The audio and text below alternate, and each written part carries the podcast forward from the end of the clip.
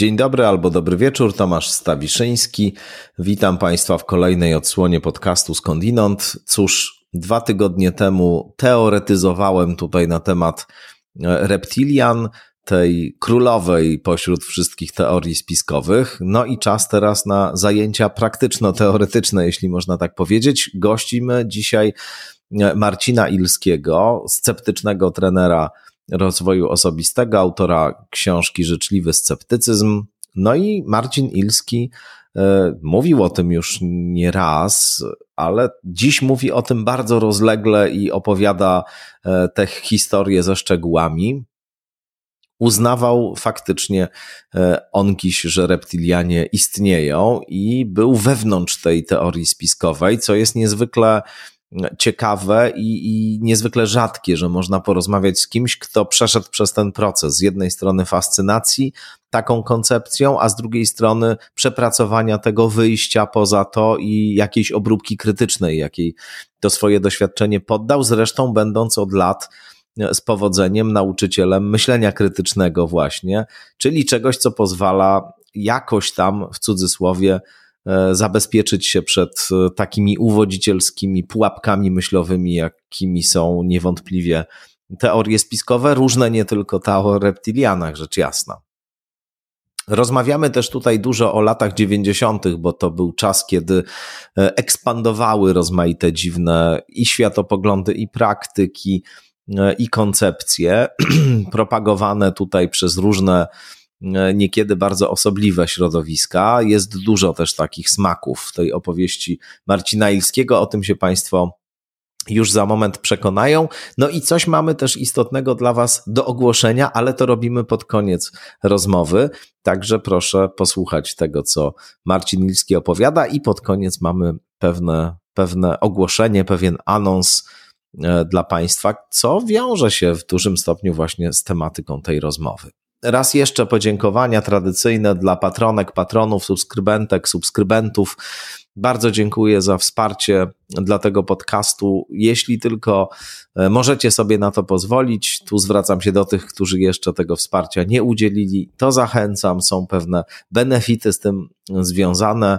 No a wszystkim, którzy w inny sposób ten podcast wspierają, też tradycyjnie dziękuję. No dobrze, to teraz Marcin Ilski przed Wami.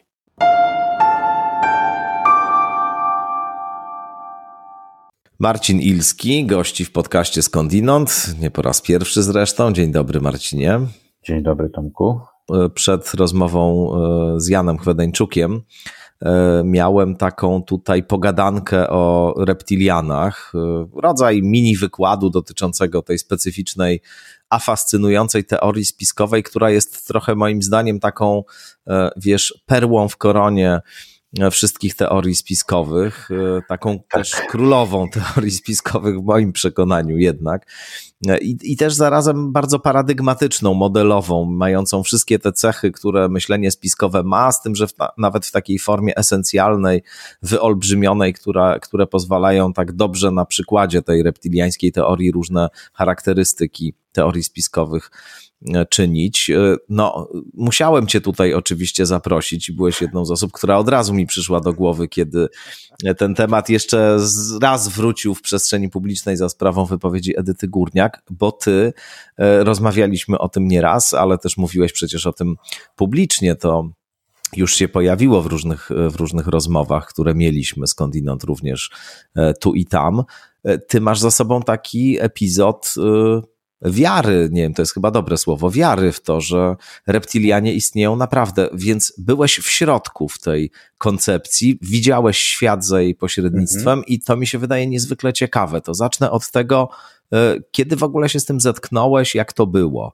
Pamiętasz e... pierwsze, pierwszy moment, kiedy reptilianie wkroczyli do twojego życia? Dokładnie, e, to prawda. No, Wydaje mi się, że to było gdzieś około roku 97, 98, ciut później może, na przełomie, e, na przełomie, e, e, na przełomie XX i XXI wieku. I wydaje mi się, tak moja pamięć przynajmniej mi podpowiada, że dokładnie pamiętam ten moment. Mm. Chodziłem wtedy do tego takiego pewnego miejsca, którego tutaj nie będę przywoływał, a już gdzie jakoby gromadzili się ludzie, którzy mieli zmieniać świat, lepiej go rozumieć i mieli być elitą przyszłości. Brzmi jak jakaś loża iluminatów albo coś takiego. No, tak, tylko tak, to była tak zwana kontrloża, bo głównie jednak składała się z ludzi w jakiś sposób E, przetrąconych przez życie, ale prowadzonych przez e, pewną formę guru, ale nie takiego ubranego w, mistyczne szaty, tylko takiego bardziej nowoczesnego, e, mm, edukacyjnego biznesmena, jak ja to teraz dzisiaj nazywam. I pamiętam pewnego dnia, mm, snując się i pływając po powierzchni e, płynnej nowoczesności, jakby to powiedział, e, jakby to powiedział Bauman, trafiłem do sekretariatu tejże szkoły. To była szkoła, która działała pod przykrywką. Przykrywką był oficjalny kurs zawodowy, natomiast pod przykrywką tego kursu zbierała się grupa, która która miała właśnie lepiej rozumieć świat i która dzięki kontaktowi z naszym, naszym nauczycielem, guru, miała lepiej rozumieć. A formalnie jak ten kurs się nazywał? To był kurs z zakresu psychotroniki, czy to Nie, był kurs to inny była, zupełnie? To, to była terapia zajęciowa. Terapia zajęciowa z autorskim programem. Z autorskim programem. Terapia zajęciowa miała autorski program dodatkowy, który miał przyciągnąć te najbardziej światłe dusze Mm. E, później się trochę inaczej to chyba jednak okazało. I pewnego dnia siedzieliśmy sobie w sekretariacie, bo w sekretariacie e, odbywały się najważniejsze rzeczy, odbywały się najważniejsze rozmowy. Mogę mówić teraz z przekąsem, ale wtedy rzeczywiście to było dla mnie super ważne. Każdy chciał się w tym sekretariacie znaleźć i tam e, tak, rozmawiać. Tak, a ludzie, którzy nie mogli siedzieć w sekretariacie, to były osoby, które właśnie gdyby trochę zdradziły e, sprawę, które gdyby przy, e, e, odeszły, miały jakieś krytyczne podejście i tak dalej, i tak dalej. No więc ja mogłem siedzieć, więc czułem się the chosen one, no tak. jednym z, z chosen one. E, I wtedy wyszła jakaś taka rozmowa. Mm, ta rozmowa gdzieś toczyła się w różnych kierunkach.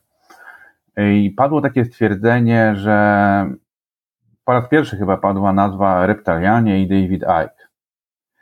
E, żeby było oczywiście ciekawiej, e, na pierwszej chwili e, mój e, nauczyciel stwierdził, że nie, nie, to jest za wcześnie na mówienie o tym, absolutnie e, nie, to jeszcze nie jest ten moment i mm był bardzo namawiany przez tam kogoś. To wzmacnia jednak... apetyt, wiesz, że jednak są szczeble hierarchiczne w tej wiedzy. Powiem ci szczerze, powiem ci szczerze, że z perspektywy życzliwego sceptyka myślę sobie, że może, kurczę, z różnych przyczyn jeszcze w tamtym momencie trochę głupio mu było mówić, trudno mi powiedzieć. E, natomiast no, być może też było to takie wprowadzenie. E, w każdym bądź razie oczywiście ja zacząłem bardzo nalegać, e, żeby jednak powiedział, że ja jestem gotowy, że ja to zrozumiem i tak dalej, i tak dalej. No i padło stwierdzenie. Zaczęła się opowieść o tym, e, że David Icke e, jest takim niesamowitym człowiekiem, e, który właśnie bardzo głęboko bada różne połączenia, różne stare mity, stare legendy, stare przekazy. No i on prowadza tutaj koncepcję taką, która absolutnie zmienia świat i nasze postrzeganie tego, co się tutaj dookoła nas dzieje, że tym, za tym wszystkim stoją reptilianie, czyli ludzie, którzy, e, przepraszam, jacy ludzie. E, Ale pewne, freudowska pewne, omyłka. E, postacie, które kierują za kurtyny całym światem, mm, które są przyczyną wszelkich nieszczęść, które się tutaj zdarzają, które, jak to się później rozwinęło, znajdują się we wszystkich niemalże rządach, Oczywiście rodzina królewska, angielska w zasadzie całkowicie się składa e, z reptylian. E, no i oczywiście reptylianie na przykład chcą, to się już później pojawiło, to, to żeby to nie było, że podczas tej pierwszej rozmowy, chcą wprowadzić Polskę do Unii Europejskiej, e, no, żeby, żeby rozmyć to wszystko, żeby nas zniewolić ostatecznie i tak dalej, i tak dalej.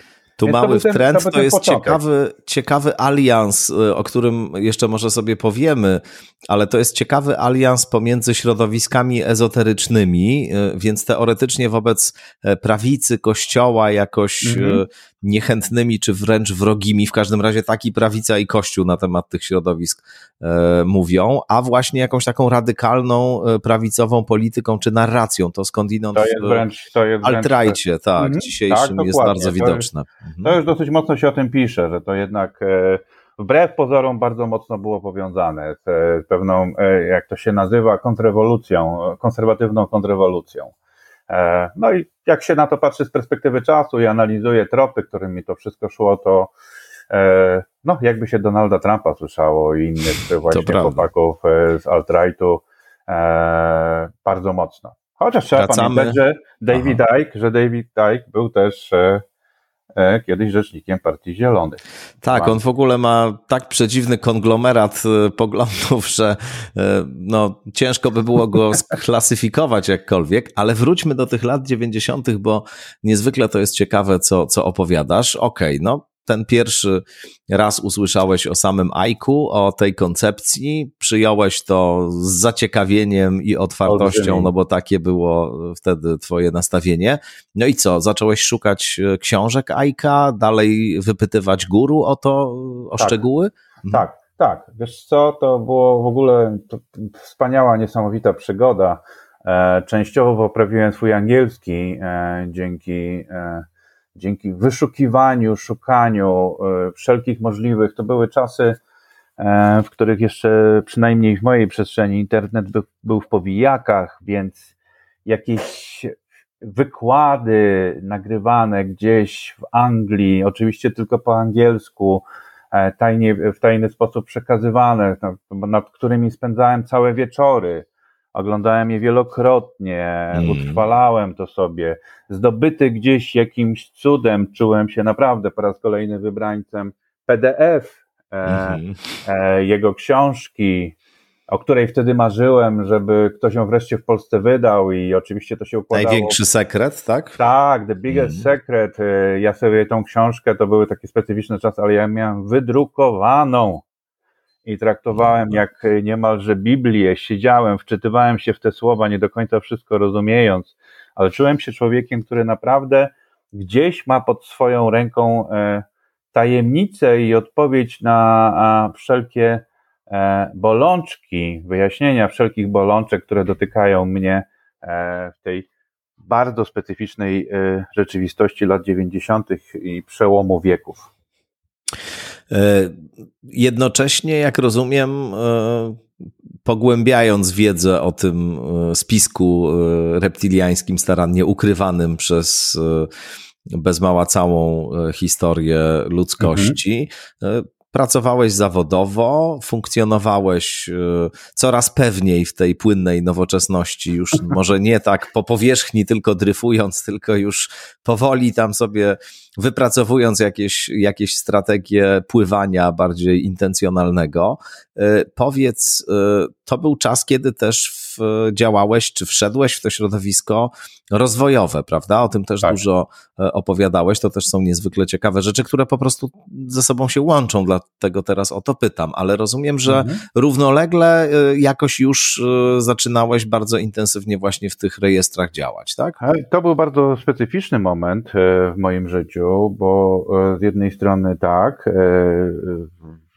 rzeczywistość starałem sobie coraz bardziej układać, ale z drugiej strony e, ten silny przekaz, e, który płynął e, od Davida Aika i tych różnych koncepcji, które wtedy były bardzo popularne, cały czas mówił mi, że być może nie powinienem wchodzić w ten taki świat, ten zmanipulowany przez reptylian świat, że powinienem być e, w jakiejś tam formie awangardy, powinienem unikać angażowania się w pewne rzeczy, nie wchodzić w nie.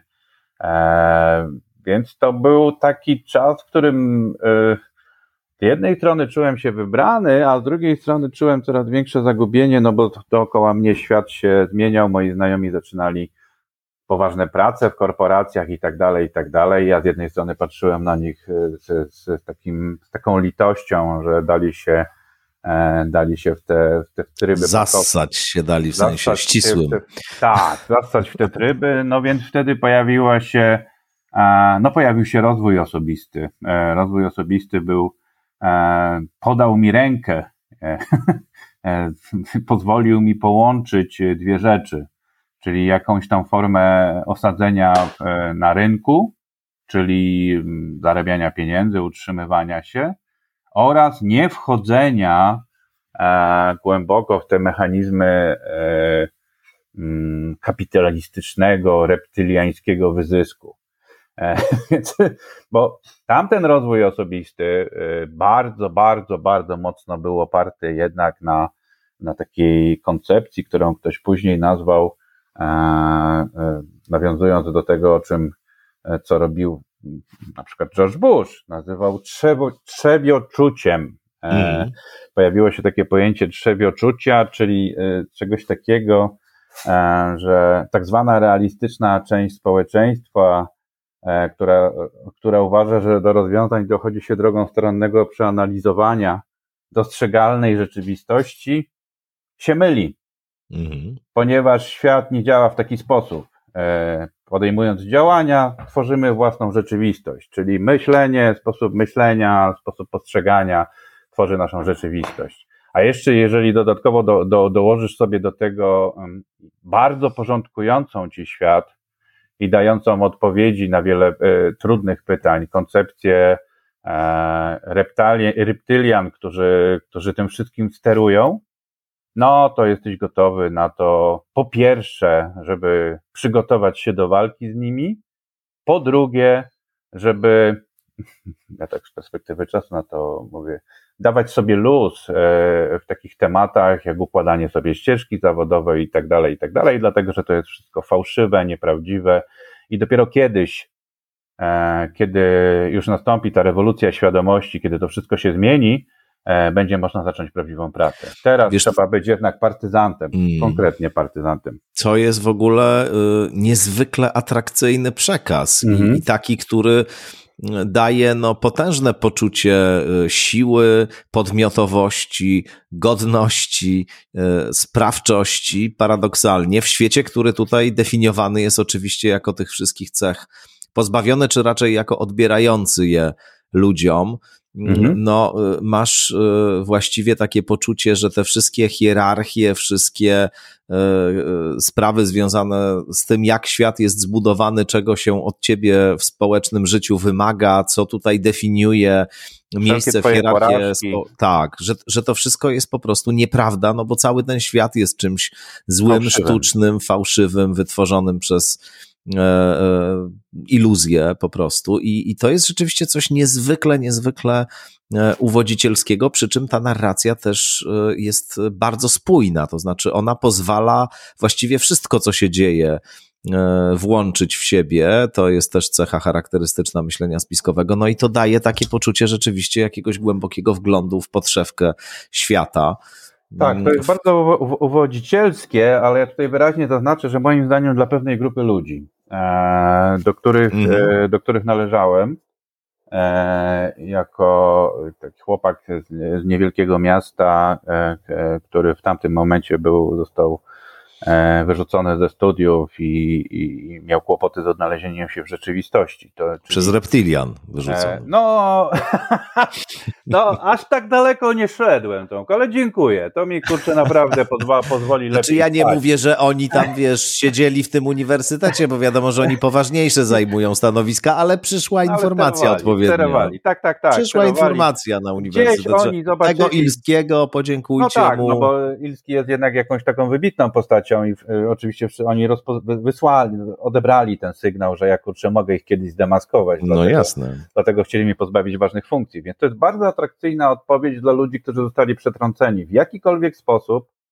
w tamtym czasie albo nie potrafili się odnaleźć w tej nowej e, rzeczywistości hiperkapitalizmu, która nastąpiła w Polsce. To była najbardziej atrakcyjna dla nich e, e, opowieść, znaczy jedna z najbardziej atrakcyjnych opowieści. Ponieważ w tej opowieści jednak e, mogłeś sobie bardzo mocno poradzić z dysonansem poznawczym, że być może kurczę jesteś przegranym, być może zostałeś, który zostałeś z tyłu, kurczę i wszystko co najlepsze cię ominie, ponieważ to ty jesteś tym, który się zatrzymał, kiedy szalony świat gna do przodu i ty sobie spokojnie poczekasz. Oni mm. wszyscy się wywalą, oni to wszystko się rozwali, a wtedy ty wyjdziesz cały na biało i, i zaczniesz ludziom tłumaczyć, kurczę, jakie popełnili błędy. Więc to było doskonałe narzędzie, mm, e, jakby to powiedzieć, e, do pacyfikacji dysonansów paradoksalnie związanych z tym hiperkapitalizmem.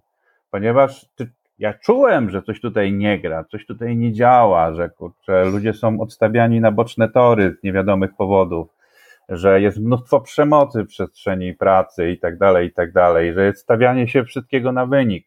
I tutaj można byłoby rozpocząć wspaniałą dyskusję o tym, co z tym zrobić, ale wtedy z pomocą przychodzą teorie spiskowe, reptylianie e, i koncepcja tego, że sam jesteś e, panem swojego losu i no, wystarczy no, tu jeszcze, sposób myślenia. Tak, mhm. tu jeszcze bym dodał jedną rzecz, że w tym wszystkim przecież oficjalna narracja wówczas y, dominująca w mediach, tych y, mainstreamowych mediach była taka, że wszystko jest wspaniale, że mamy tak. najlepszy możliwy scenariusz transformacji ustrojowej, mhm. że kto jest niezadowolony, ten jest homo sovieticus, roszczeniowcem o. jakimś, mhm. który y, w gruncie rzeczy jest nieudacznikiem, a, a próbuje jakieś tutaj narracje o systemie systemie tworzyć, a przecież system jest doskonały i myślę, że to bardzo wzmacniało i z jednej strony takie środowiska skrajnie prawicowe, które z kolei szły w totalną negację i, i też w formę narracji spiskowej o tym, że to jest wszystko robota ruskich, to co tutaj się stało i mamy samych mhm. agentów u, u władzy, a z drugiej strony właśnie w takie bardziej fantazyjne teorie spiskowe, różne tego typu eskapistyczne światopoglądy, które też dawały odpowiedź na to, dlaczego świat nie jest taki, jak tutaj ta oficjalna narracja głosi. No, Bo on jeszcze na głębszym, głębszym poziomie jest zupełnie, zupełnie Dwie, dwie opcje do wyboru, albo ruscy agenci dookoła, albo reptylianie. Zawsze można Wybieram reptilian osobiście, zdecydowanie. no, a może oni są połączeni, Tomku, także, także troszeczkę Też jest to możliwe, to tak, prawda. Ostatnie wydarzenia mogłyby na to wskazywać. Wiesz, tutaj e, dla mnie zjawiskiem, na które, kiedy ja na to patrzę z tej perspektywy, jak ja się wtedy czułem, e, to też jest bardzo mocno związane z tym, że e, wgłębianie się w tą koncepcję reptyliańską e, pozwalało robić coś, co ja później jako osoba zajmująca się już zupełnie innymi rzeczami mogłem sobie poukładać teoretycznie, czyli strach przed przyszłością, która była nie, kompletnie niewiadoma. Dla niektórych oczywiście otworzyły się wrota wszystkiego, co się da, ale, nie, ale część osób została z tyłu, e, można było zlikwidować poprzez e, coś, co bodajże chyba Napierkowski nazywał abdykowaniem utopii na rzecz retropii. Czyli wiesz, Ike tłumaczył, że odpowiedź znajduje się w przeszłych czasach. Mm. W mądrości starej ludzko, ludzkość, kurczę, tam wie, co, jak to wszystko wyglądało i jeżeli jeżeli zaczniemy czytać tą przeszłość od nowa, no to odzyskamy to, to żeśmy utracili. To jest powtarzająca się do tej pory i przynosząca wiele fatalnych skutków narracja o tym, że wszystkie odpowiedzi znajdują się w przeszłości, ani Oczywiście. nie w teraźniejszości, ani nie w przyszłości. Przyszłość w ogóle została, to już tutaj Mark Fisher się pojawia, została skancelowana, czyli została zlikwidowana. Wiesz, ja przypominam sobie swoje różne peregrinacje po dziwnych y, towarzystwach i dziwnych miejscach w latach 90. Też miałem dużo takich fascynacji, chociaż ja raczej się tak na dystans do tego wszystkiego no trzymałem. Właśnie. Z jednej strony mnie to wciągało, z drugiej strony byłem mocno y, y, zaangażowany w lektury Karla Gustawa Junga wtedy i, i w środowisko jungowskie w drugiej połowie lat 90., zwłaszcza tutaj w Warszawie bardzo, bardzo aktywnie tam uczestniczyłem w różnych spotkaniach i, i w ogóle byłem takim no, wierzącym jungistą, co mnie, powiem szczerze, że w jakimś stopniu uchroniło przed, przed zaangażowaniem się właśnie w tego typu rzeczy na poważnie, w tym sensie, że jednak ten jungowski e, relatywizm w odniesieniu do różnych takich twierdzeń i takie traktowanie wszystkiego jako, jako e, formę mitu, czy formę takiej właśnie narracji, gdzie, gdzie gdzieś głębiej jest ta struktura archetypowa, no, mhm. powodowało, że, że ja nie brałem tego dosłownie, choć no, ciągnęło mnie.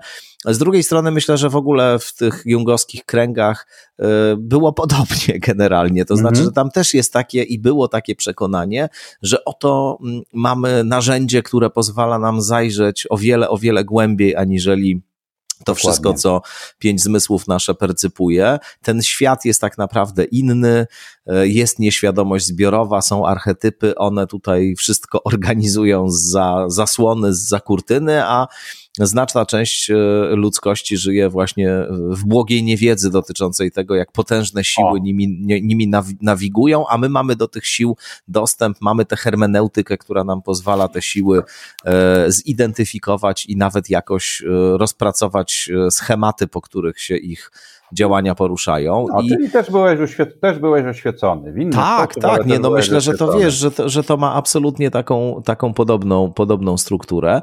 Natomiast pamiętam rzeczywiście, że jak bywałem w różnych takich osobliwych miejscach, na przykład w Staromiejskim Domu Kultury, w latach 90. działał, działał e, klub rozwoju osobowości, tak się to mhm. nazywało.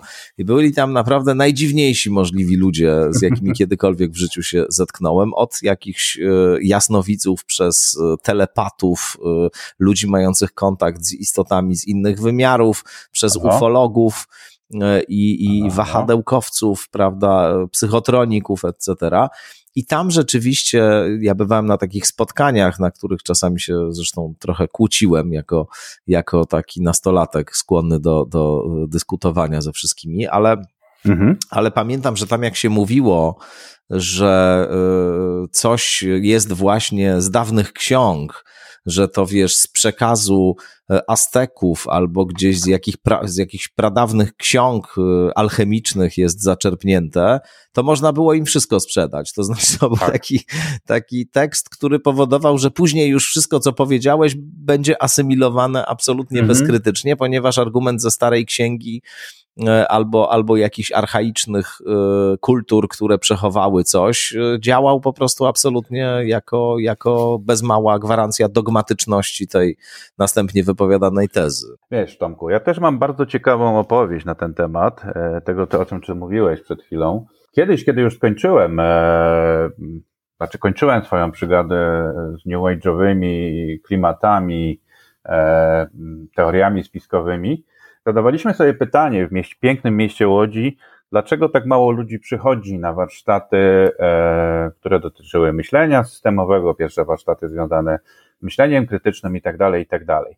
I ktoś, e, nie pamiętam kto e, już w tym momencie, e, ale to była kobieta, jedna z uczestniczek e, zwróciła uwagę podczas takiej rozmowy mm, obiadowej, że Łódź jest takim miejscem, e, przynajmniej wtedy była takim miejscem, w którym e, ludzie stracili już wszelką nadzieję e, na coś, że rzeczywiście coś się tutaj zmieni i pozostał im, pozostał im cud, wiara w cud, jakąś teorię, która wytłumaczy to nieszczęście, które ich dotknęło i paradoksalnie w pewnym sensie przywróci im jakiekolwiek poczucie sprawczości, czy też poczucie godności, o której ty, o której ty mówiłeś. Czyli, że nie zostawiliśmy, zostaliśmy w pewnym sensie sami e, w tym, neolibera, tym neoliberalnym pędzie, tylko za tym wszystkim stoją jakieś e, złe siły, e, być może reptylianie właśnie, którzy spowodowali złe istoty, które to wszystko zniszczyły. I teraz, jeżeli skupimy się na na znalezieniu ich na takim wymiarze pozarzeczywistym, e, na znalezieniu tych głębszych odpowiedzi, to może nam się uda przynajmniej utrzymać na powierzchni, a przede wszystkim będziemy chociaż rozumieli albo mieli poczucie, że nie jesteśmy, tak jak nam próbowano wmawiać, w stu procentach odpowiedzialni za to, że nam się coś w życiu nie udało albo że nam się to życie zawaliło. I e, to mocno do mnie przemówiło, powiem Ci szczerze, bo e, ja uważam, że te wszelkie e, reptyliańskie opowieści to nie są opowieści, które idą z dołu. To są opowieści, które w dużej mierze cynicznie idą z góry i wytwarzają pewien obraz rzeczywistości, brzmi jak teoria spiskowa, który jest korzystny dla, mm. dla, pewnych, e, dla pewnych e, kręgów politycznych, które w ten sposób, nie wiem, chcą odzyskać kontrolę nad rzeczywistością, wykorzystując do tego rzeczywiste rozpoznania związane, związane z tym, że coś tutaj nie gra, zbyt dużo ludzi zostało zostawionych samych sobie, po to, żeby wprowadzić powrotem, nie wiem, tak zwane tradycyjne wartości, a w rzeczywistości zwykły zamordyzm, czyli przejąć władzę i przejąć kontrolę nad tym wszystkim, co się dzieje dookoła nas. To pięknie ostatnio jak czytałem książkę Hartmuta Rosa, e, Przyspieszenie, wyobcowanie, rezonans, takiego socjologa. I on tam wprowadzał pojęcie, że były późno nowoczesne dwie takie główne strategie poruszania się po rzeczywistości. Pierwsza to jest strategia surfera, surferzy wyglądają na zwycięzców, ponieważ oni e, przeskakują z wyższej fali na wyższą falę życia. Jak się wywalą, to im to nie przeszkadza, mają nawet z tego radość, cieszą się po prostu byciem na fali. Drudzy to są drifterzy, czyli tacy, którzy ledwo unoszą się na powierzchni, po prostu te prądy ich noszą, ale wciąż jeszcze trzymają się tej powierzchni. I dla mnie to są osoby, które dla których teorie spiskowe wszelkiego rodzaju są e, sposobem poradzenia sobie z tym dryfowaniem, ale ostatecznym takim e, wyłaniającym się z tych dwóch modelów e, sposobem radzenia sobie nową, z tą rzeczywistością taką niepewną, to jest trzeci styl, tylko, czyli styl fundamentalisty, czyli kogoś, kto wychodzi na brzeg tej wody i mówi, od tej pory będziemy tylko stali na twardym gruncie, przewrócimy stare zasady i tak dalej, i tak dalej. Czyli ta opowieść paradoksalnie o tym, że kiedy przyjdzie oświecenie, kiedy obalimy e, złych reptylian, którzy znajdują się obecnie e, w rządzie, to trochę opowieść o tym, cyniczna opowieść o tym, oddajcie, pomóżcie nam odzyskać władzę nad tym światem, no a wtedy my będziemy wprowadzali już swoje porządki. Tak to dzisiejszej Ciekawa. perspektywy widzę. Ciekawa interpretacja, rzeczywiście. Ja bym ten obraz e, trochę z własnej perspektywy e, inaczej chyba ustawił, mhm. ale na pewno, e, na pewno w ogromnym stopniu się zgadzam z tym, co mówisz. Dodałbym tylko jeszcze to, że mm, te opowieści spiskowe, one wydają mi się jednak dość mocnymi, tak zwanymi kontrnarracjami, czy, mhm. czy, czy kontrwiedzą, która, e, która bywa właśnie niezwykle mm, atrakcyjnym narzędziem dla ludzi, Dokładnie. którzy mają poczucie właśnie życia w świecie, e, w którym nie mają już prawie na nic wpływu i w którym nic od nich nie zależy. I w tym sensie to może też e, na dole, w cudzysłowie, pracować dosyć mocno i być, i być jakoś tam no właśnie taką opowieścią czy takim mitem, który pozwala odzyskać poczucie godności. Z drugiej strony, wydaje mi się, że rzeczywiście dla różnych y, elit politycznych i biznesowych różne rzeczy. Jak to brzmi? No są takie elity, nie da się ukryć. No więc y, dla rzeczywiście ludzi, którzy którzy no, na różne sposoby starają się e, realizować swoje interesy, e, tego typu narracje mogą być bardzo korzystne, w tym sensie, że one faktycznie odwracają uwagę od tego, co dzieje się naprawdę. To znaczy, jak, jak mm -hmm. im więcej osób będzie wierzyło, że tak naprawdę chodzi o spisek z kosmosu, tym łatwiej będzie realizować różne no tak. machinacje bardzo ziemskie z ducha i ziemskimi rękami czynione.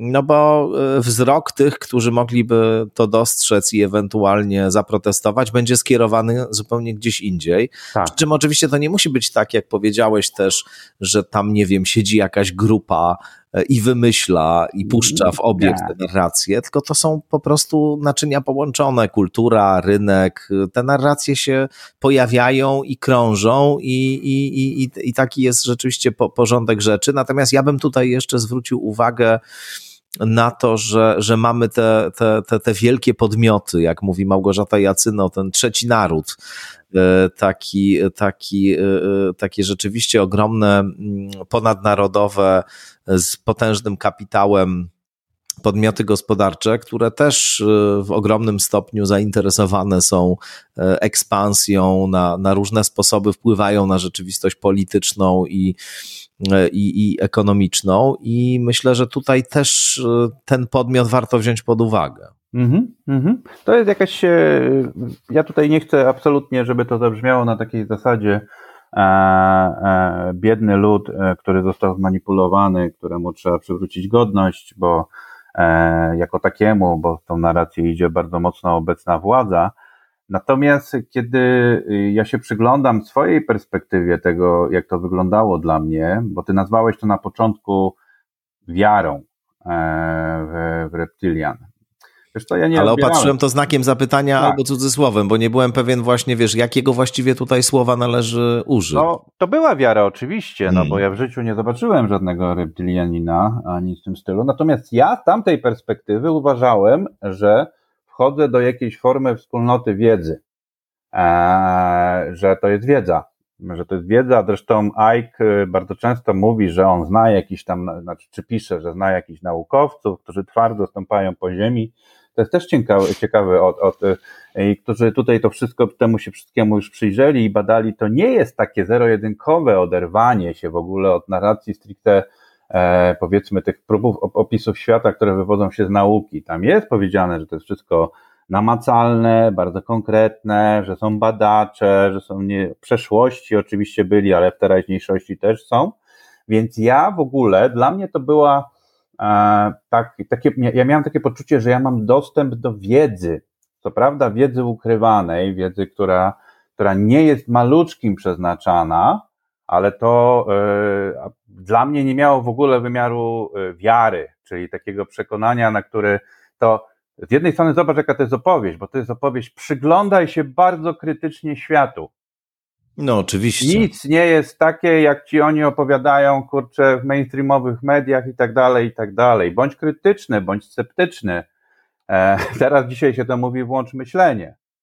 Ale jest dodawany jeden bardzo ważny element, e, który powoduje, że no nie, nie, nie, nie prowadzi to ludzi do tego, żeby rzeczywiście zaczęli się e, przyglądać bardziej krytycznie temu, co ich otacza e, w taki najlepszym tego rozumieniu słowa, ponieważ jednocześnie jest ci dostarczana odpowiedź.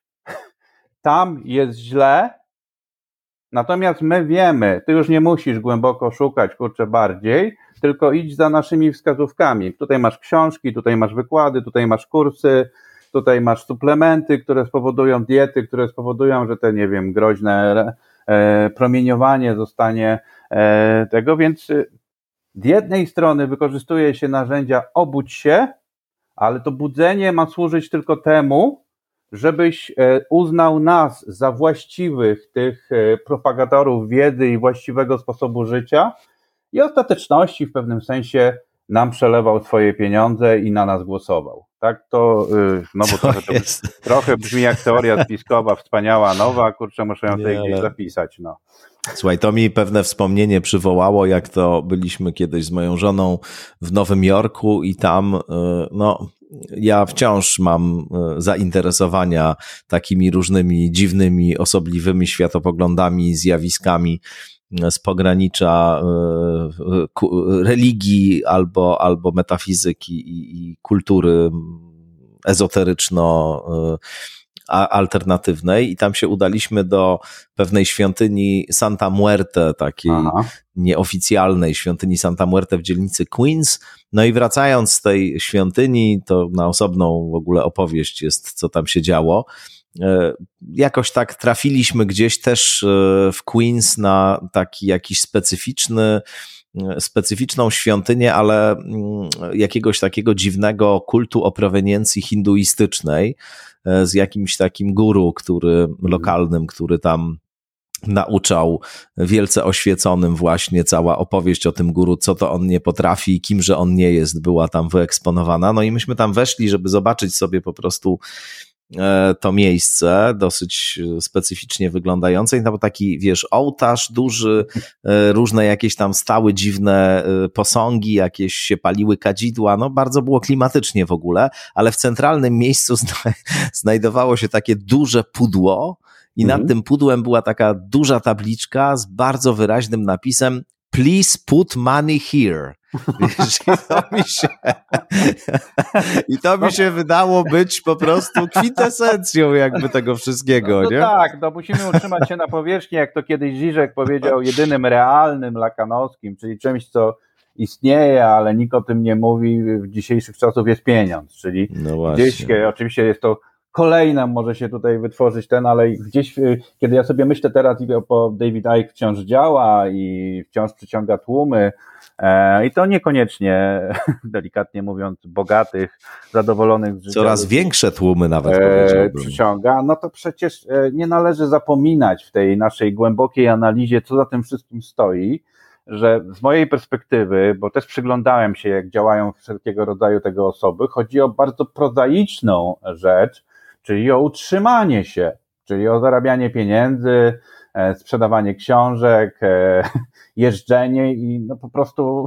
zarabianie na życie. Że tym, ta, Z czegoś ta, trzeba żyć. No. Tak, że ta nadbudowa, która tam jest pięknie, e, że ona jest jednak ludziom sprzedawana, że to nie jest robione w takiej w takiej postaci, jak powiedzmy były to, nie wiem, dawniej zakony, które wszyscy byli ubodzy i niczego nie mieli i w związku z tym, ale głosili Słowo Boże, nie? No teraz to słowo e, nadziei, to słowo wyjaśniające świat, wiedza to władza, e, no więc za to, za to trzeba płacić. Bardzo ładnie nauczono nas, że za tą najbardziej ekskluzywną, najbardziej nie, wiedzę, która jakoby zmienia nasz sposób patrzenia na Trzeba świat. najwięcej zapłacić za to zapłacić najwięcej, bo jak jest za tanio, to znaczy, że coś tutaj nie gra i my bardzo przy czym, przy czym bardzo łatwo wchodzimy. No. Przy czym elementem tej wiedzy, jak już naprawdę jesteś na wysokim szczeblu wtajemniczenia, jest to, że nie ma tego świata i pieniędzy też nie ma, to wszystko są hologramy. To wszystko są hologramy. Tak, nie przywiązuj Ale... się, że to jest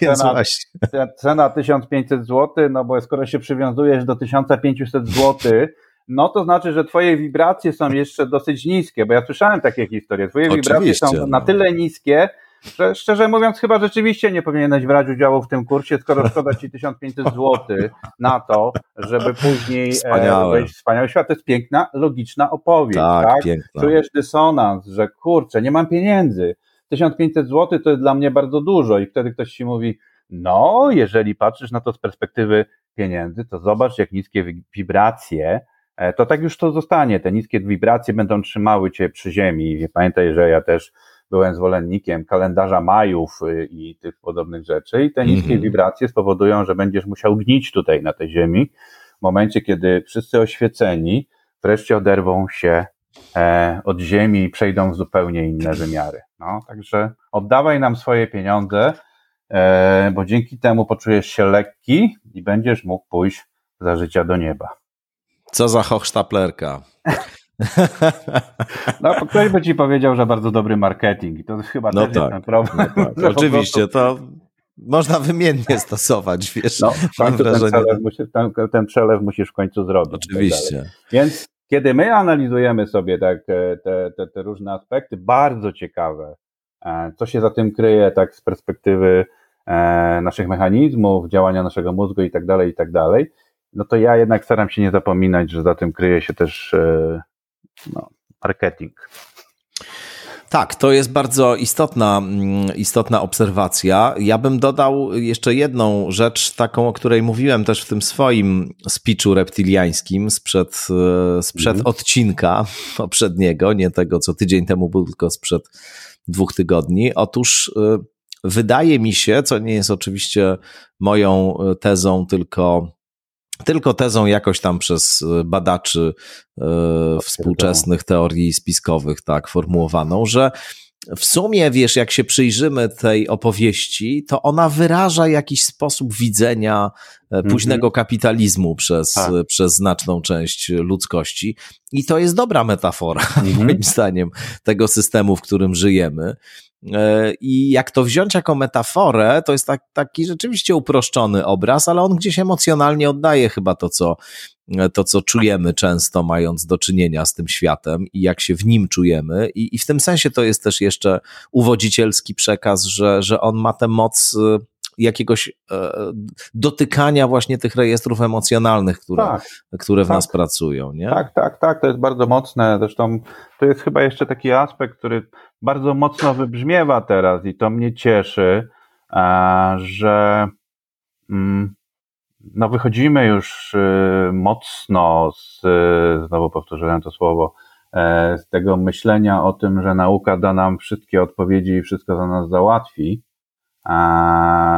którego niektóry, niektórzy wciąż się trzymają i że gdzieś trzeba e, mm, zacząć myśleć o tym, w jaki sposób e, zacząć tłumaczyć ludziom świat, w którym E, bardzo trudno jest dać ostateczne odpowiedzi, e, co jest przyczyną, e, w jaki sposób da się pewne rzeczy rozwiązać, gdzie bardzo często pada twierdzenie, że na dzień dzisiejszy tego nie wiemy, albo że istnieją takie i takie prognozy i one się wcale nie muszą zrealizować, ale mogą się zrealizować, bo teorie spiskowe, teorie reptyliańskie czy jakiekolwiek inne, one w tym ludziom, którzy czuli się nam, którzy czuliśmy się zagubieni w tym natłoku informacji, niepewnych informacji, e, niepewnych przekazów, dawało nam takie ponowne poczucie bardzo ważne z perspektywy podstawowych mechanizmów naszego mózgu osadzenia się. Ja rozumiałem świat znowu, tak? E, odzyskiwałem, pamiętam, wychodziłem na ulicę, e, patrzyłem w gwiazdy, patrzyłem na ludzi i mówiłem, ja wiem coś, czego wy nie wiecie, jesteście zaśnieni, przez to wszystko, ale przynajmniej ja jestem w centrum swojego świata i e, no teraz już rozumiem, dlaczego to wszystko się dzieje i stawałem się w ten sposób bardziej spokojny, bardziej mm -hmm. e, no, godziłem się z tym, co widzę i przygotowałem tylko siły e, na ponowną, bardzo dla nas bliską walkę z siłami ciemności, kurczę, jako wytłumaczeniem tego wszystkiego, co się dzieje dookoła mm. nas. A powiedz, jak to się stało, że, że zacząłeś z tego wychodzić? Bo to, powiem szczerze, jest rzadki scenariusz. To znaczy, twoja historia, tak jak na przykład historia Michaela Shermera, bo, bo jakoś on mi zawsze przychodzi na myśl, kiedy myślę o, o, o tobie i o tej twojej ścieżce. E, u niego to trochę inaczej wyglądało. On mhm. był z mhm. kolei wciągnięty w taką narrację fundamentalistyczną, w taką tak. fundamentalistyczną tak. religię. Dziś jest to jeden z najważniejszych sceptyków, czy, czy takich no, e, tak. autorów właśnie z tego ruchu sceptyków amerykańskiego, który e, naczelnym jest skądinąd magazynu Skeptic i napisał kilka książek niezwykle ciekawych, między innymi o negacjonizmie taką książkę napisał, która jest bardzo, bardzo interesująca i o różnych mechanizmach w ogóle właśnie, które w nas pracują, kiedy wciągamy się w takie opowieści, ale to są bardzo rzadkie przypadki. To znaczy, zazwyczaj ludzie, którzy gdzieś już w coś takiego wejdą na poważnie, w tym sensie, że mhm. faktycznie jakoś, jakoś w tym są zanurzeni, no to, to tak czy inaczej tam zostają, choć oczywiście są różne, różne przypadki, takie jak i twój, które, które jednak przeczą tej regule. Powiedz właściwie, kiedy zaczęło, zaczął ci się ten obraz świata jakoś rozszczelniać, w, tych spójne, w tej spójności pojawiły się jakieś luki i co się stało, że, że jesteś teraz tu, gdzie jesteś? Pierwsza rzecz to chyba e, to trochę pół żartem, pół serio, ale raczej serio. Ja jako były pankowiec, a później osoba, która e, czuła się, która czytała mnóstwo literatury i która słuchała mnóstwo e, takiej no, skomplikowanej, wysokiej jakości muzyki, ja nie byłem w stanie znieść e, książek e, e, e, po prostu i nie byłem w stanie znieść tej muzyki new age'owej. To Widzisz, ja się też nigdy chyba, przepraszam, tylko jedno słowo dodam, bo muszę. Ja naprawdę chyba też z tego powodu teraz to sobie uświadomiłem. W różne rzeczy się nigdy nie wciągnąłem, po prostu nie byłem w stanie tego czytać, bo miałem taki kontrast z tymi... Ja cierpiałem, ja cierpiałem, tak, ja cierpiałem, ale czułem, że cierpię dla wiedzy większej. Więc czytając Barbarę Marcieniak, Marciniak, która kontaktowała się z Plejadianami, miałem, e, miałem straszne odczucia, ale jednocześnie mówiłem, no przecież ona się skontaktowała z jakimiś istotami, trzeba po prostu to przyjąć i przeczytać. E, będę słuchał tej muzyki, no bo ona podobno otwiera czakry i osadza nas w rzeczywistości, ale nie byłem w stanie po prostu, co było zresztą przyczyną wielu moich frustracji, Rozumiem, ponieważ uważałem, w tej narracji oznaczało to, że wciąż nie jestem gotowy przejść e, na obszar oświecenia. To była pierwsza rzecz. Drugą rzeczą było powtarzający się zestaw, trochę chyba szczęście, wiesz Tomku, bo e, mm, w moim życiu zaczęły się z przyczyn osobistych pojawiać osoby e, z obszaru antropologii kulturowej, kulturoznawstwa i tak dalej, i tak dalej, I zdarzyło się kilka takich dysonansowych, nieprzyjemnych sytuacji, w których ktoś, kiedy ja opowiadałem te swoje narracje o Majach, reptylianach i tak dalej, i tak dalej, punktował mnie, pokazując mi, ale nawet nie w złośliwy sposób, ale mówiąc, przecież to jest jakaś struktura właśnie mitu, więc to jest taka opowieść, którą i ja się wtedy zacząłem nad tym po prostu zastanawiać. E, kolejna rzecz, która to spowodowała, e, to było poczucie, że po prostu to nie jest moje, że ja się w tym kompletnie nie odnajduję, że to, że to, że, że to bardzo, ale to bardzo prowadza mnie na manowce, w żaden sposób nie poprawia mi jakości życia ostatecznie, tylko mierzy mnie z różnymi problemami. E, więc ja chyba szukałem w, w teoriach spiskowych i w tym, w tym, w tym obszarze czegoś, czego szukam od, od gdzieś od wczesnej młodości, czyli e, lepszego zrozumienia, dlaczego pewne rzeczy nie funkcjonują.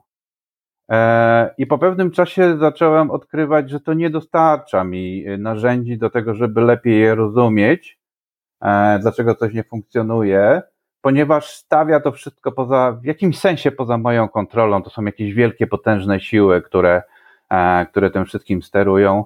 E, wychodzenie było bardzo powolne, e, Tomku, bardzo. E, ja do tej pory jestem mocno wdzięczny wielu moim znajomym z tamtego okresu, którzy wciąż ze mną są, za ich wyrozumiałość i cierpliwość, i to chyba jest jedną z dróg.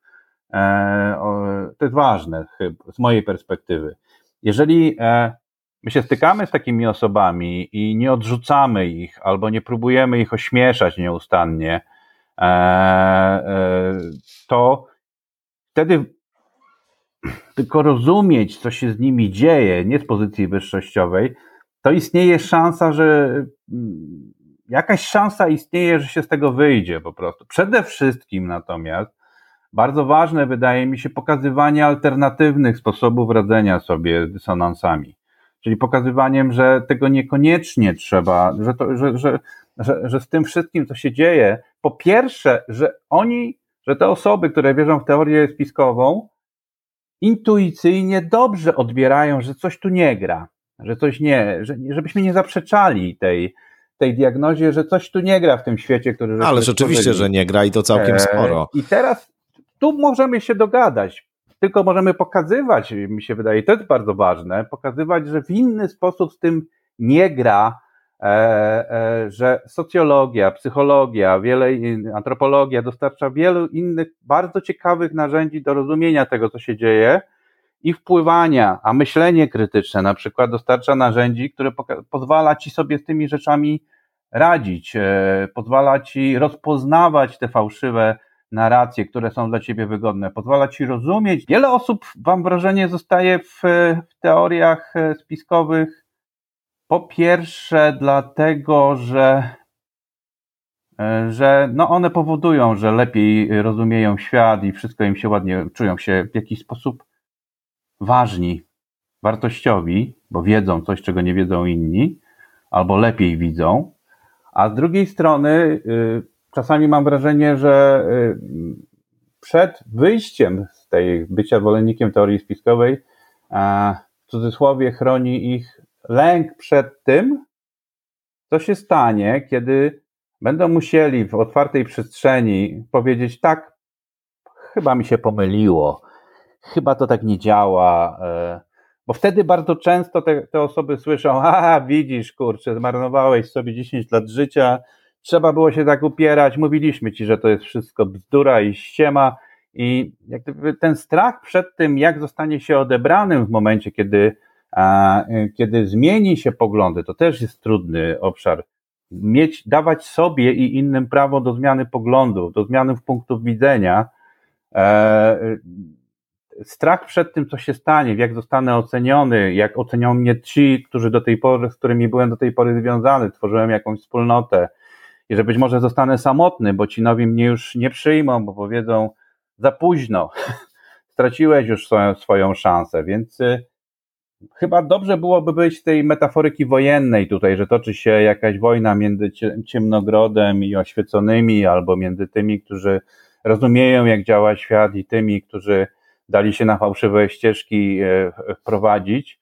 I, i takie kurczę, nie wiem jak to zabrzmi, ale jednak wzajemne wyciąganie do siebie ręki. Tam, w tej przestrzeni, w której się oczywiście da. Ja nie wiem, czy takich przypadków jest wiele, e, natomiast e, no, ogólnie teorie spiskowe, tyle mogę powiedzieć chyba, e, fałszywie tłumaczą e, ostatecznie przyczyny tego, co, je, co się tutaj, co się złego dzieje e, w naszej, naszej wspólnej przestrzeni, a to, nie, a to uniemożliwia nam rzeczywistą poprawę osobistej i wspólnotowej sytuacji, w której się znajdujemy. Więc to był taki proces, żadnego tutaj jednorazowego strzału nie było. To była refleksja, to było, to, to było wsparcie ze strony ludzi, którzy byli dookoła mnie. To było mm, nie trzymanie się tego, e, jaki kiedyś byłem, e, tylko cieszenie się. Pewnie były takie osoby, które po prostu się cieszyły, że ja zacząłem inaczej funkcjonować, inaczej myśleć i tak dalej, i tak dalej. No, równocześnie z tym y, jakoś porzuciłeś tą rozwojową tak. działalność, taką sensu stricte, więc jakby to była, jak rozumiem, dosyć gruntowna reorientacja i gruntowna przemiana. Ale miałeś mhm. taki moment, że poczułeś, że właśnie zostałeś niejako ogołocony z jakiegoś złudzenia, że, że ta iluzja opadła i teraz nagle trzeba z tym światem się zderzyć takim, jakim on jest, bez tej iluzji właśnie. Był taki moment Przyznam e, szczerze, trudny? Że nie. Przyznam nie. szczerze, że nie, e, ponieważ e, ja, ja kocham się uczyć, kocham się nowych rzeczy dowiadywać i kiedy zobaczyłem na przykład, że rozwojem osobistym bardzo mocno kieruje, fałszywy również w swoich założeniach mit merytokracji, E, która mówi, że po prostu każdy bierze sprawy w swoje ręce i e, każdy ma równy start i od, niego tylko zależy, co się, e, co się z nim dzieje, to dla mnie to była fascynująca odmiana. Ja się nie czułem oszukany, Tomku, jeżeli o, o, z mojej perspektywy, jeżeli o to pytasz. Ja się czułem w najlepszym tego słowa znaczeniu zafascynowany tym, że przecież to jest coś, co para, zobacz, wynika z jakiegoś, z jakichś struktur mitycznych, to jak łat, to, z tego, jak łatwo wchodzimy w pewne opowieści, które są dla nas wygodne. I poznawanie tych, e, to czym się zajmuję w swoim zawodowym życiu, czyli, e, czyli na przykład kiedy pracujemy w myśleniu systemowym nad modelami myślowymi, zobacz, poznawanie w jaki sposób ludzie tworzą swoje mikrologie, i pokazywanie im, jak te mitologie im pomagają, a jak im przeszkadzają, stało się dla mnie fascynującym zajęciem. A dzięki temu, że ja te kilka lat y, w, reptyliańskiej rzeczywistości spędziłem, to łatwiej mi jest chyba zrozumieć, y, dlaczego się to wchodzi, i łatwiej mi jest uwierzyć, e, że e, i dawać tą, e, tą wiarę, tak, bo to na początku jednak jest wiara, tym ludziom, którzy, którzy odkrywają pewne swoje mitologie życiowe a, i, i czują się nimi z kolei właśnie rozczarowani albo przytłoczeni, bo na przykład odkrywają, że poukładali sobie świat wokół czegoś, co w dużej mierze jest e, jakimś niesprawdzającym się fałszywym założeniem. No, to powiedziałbym, że to jest w sumie y, pewne kontinuum. To znaczy, tutaj też tak. pokazujesz, że to, w co wierzyliście, to, co uznawaliście za rzeczywiste, tak. nie jest wcale rzeczywiste. Tak, tak jak Ike robi. No dokładnie, dokładnie, wiesz, także wiesz, być może wcale, y, być może jestem agentem wpływu i tak naprawdę wcale, wcale, wcale nie wyszedłem e, z reptyliańskich reptyliańskich narracji, tylko sprytnie zakamuflowałem się.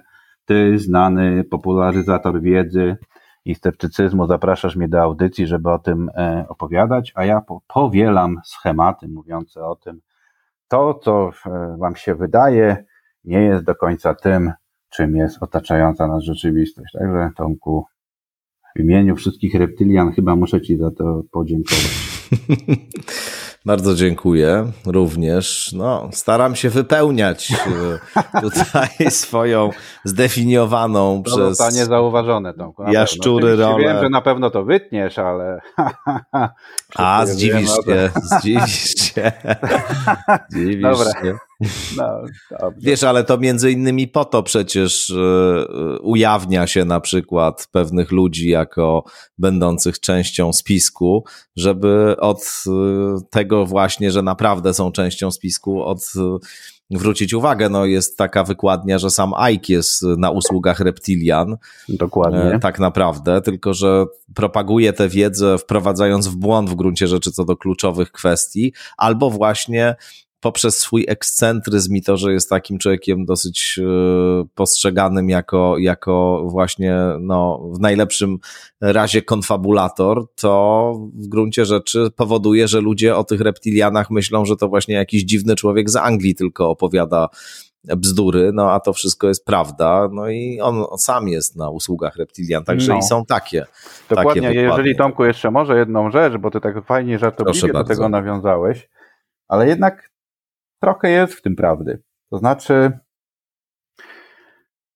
to, co jest podstawą wchodzenia w teorie spiskowe, czyli poczucie, że chcę się dowiedzieć, co się dzieje ze mną, dlaczego dzieją się takie, a nie inne sprawy, dlaczego nie funkcjonuje wspólnota dookoła mnie, zostaje również w myśleniu krytycznym czy w myśleniu systemowym.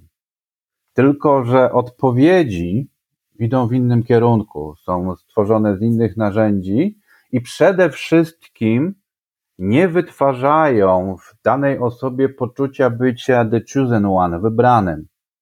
Ty, ty masz okazję y, doświadczyć podczas procesu grupowego, podczas y, na przykład takiego ćwiczenia, zgadnij co jest w pudełku, że te mechanizmy automatycznego rozpoznawania, czasami błędnego tego, co się dzieje dookoła nas, są dla nas wspólne. Czyli, że, nie, że świat nie dzieli się na oświeconych i tych, którzy są zaśnieni, tylko że jest tutaj pewna wspólnota doświadczeń, z którą możemy sobie y, również wspólnie za pomocą innych narzędzi i lepiej radzić, nie po to, żeby ustanowić niebo na ziemi, tylko, tak jak jest w teoriach spiskowych, i pokonać zło, tylko żeby uczynić, żeby poprawić dobrostan, żeby, żeby wyjść poza pewne utrwalone modele myślenia o rzeczywistości i zacząć odkrywać, że można na świat patrzeć inaczej, a później to testować. Więc u podstawy jest to samo pytanie. Co się dzieje dookoła mnie? Właśnie.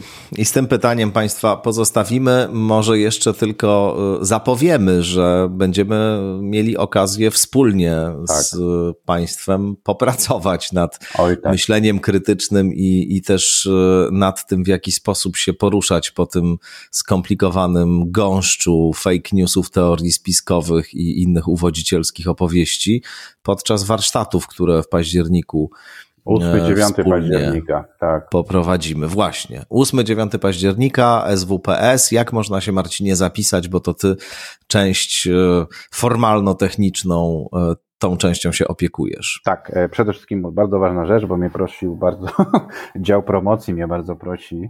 Uniwersytet SWPS w Warszawie. Tak. Nie, nie, nie, bardzo proszę, żeby to podkreślać. Oczywiście. 8-9 października 2022 roku dwudniowe warsztaty, na które się niesamowicie cieszę i które cieszą się już bardzo dużą popularnością, e, ale ponieważ uniwersytet idzie nam bardzo na rękę, jest bardzo życzliwy tej inicjatywie a, i przygotował dla nas odpowiednią salę, to jest jeszcze kilka miejsc i można e, wszelkie wiadomości na temat tego, jak to, jak się zapisać, jaki jest program, e, jak wyglądają kwestie zaliczkowe i tak dalej, i tak dalej pisząc na adres sceptyczni.trenerzy małpa gmail.com sceptyczni.trenerzy małpa gmail.com Bardzo Was zapraszam nie tylko dlatego, że sam jestem niesamowicie podekscytowany pracą z Tomkiem, ale dlatego, dlatego, że mam nadzieję, że to spotkanie będzie takim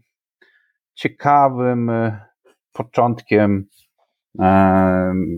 być może tworzenia nowej, ciekawej wspólnoty wiedzy, takiego zdobywania wiedzy, rozumienia lepiej tego, co nas otacza. E, czekamy na Was z niecierpliwością, warsztat jest już pewny.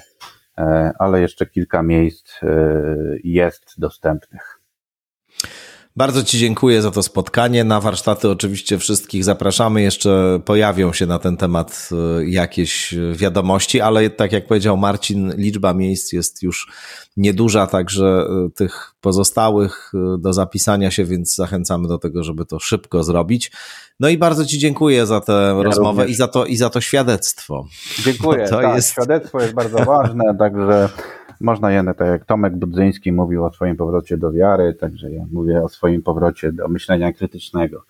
E, dziękuję Ci Tomaszu, dziękuję Państwu za cierpliwość. Marcin Ilski, bardzo dziękuję, no i zapraszam na kolejne odsłony skądinąd. Do usłyszenia. Dziękuję, do widzenia.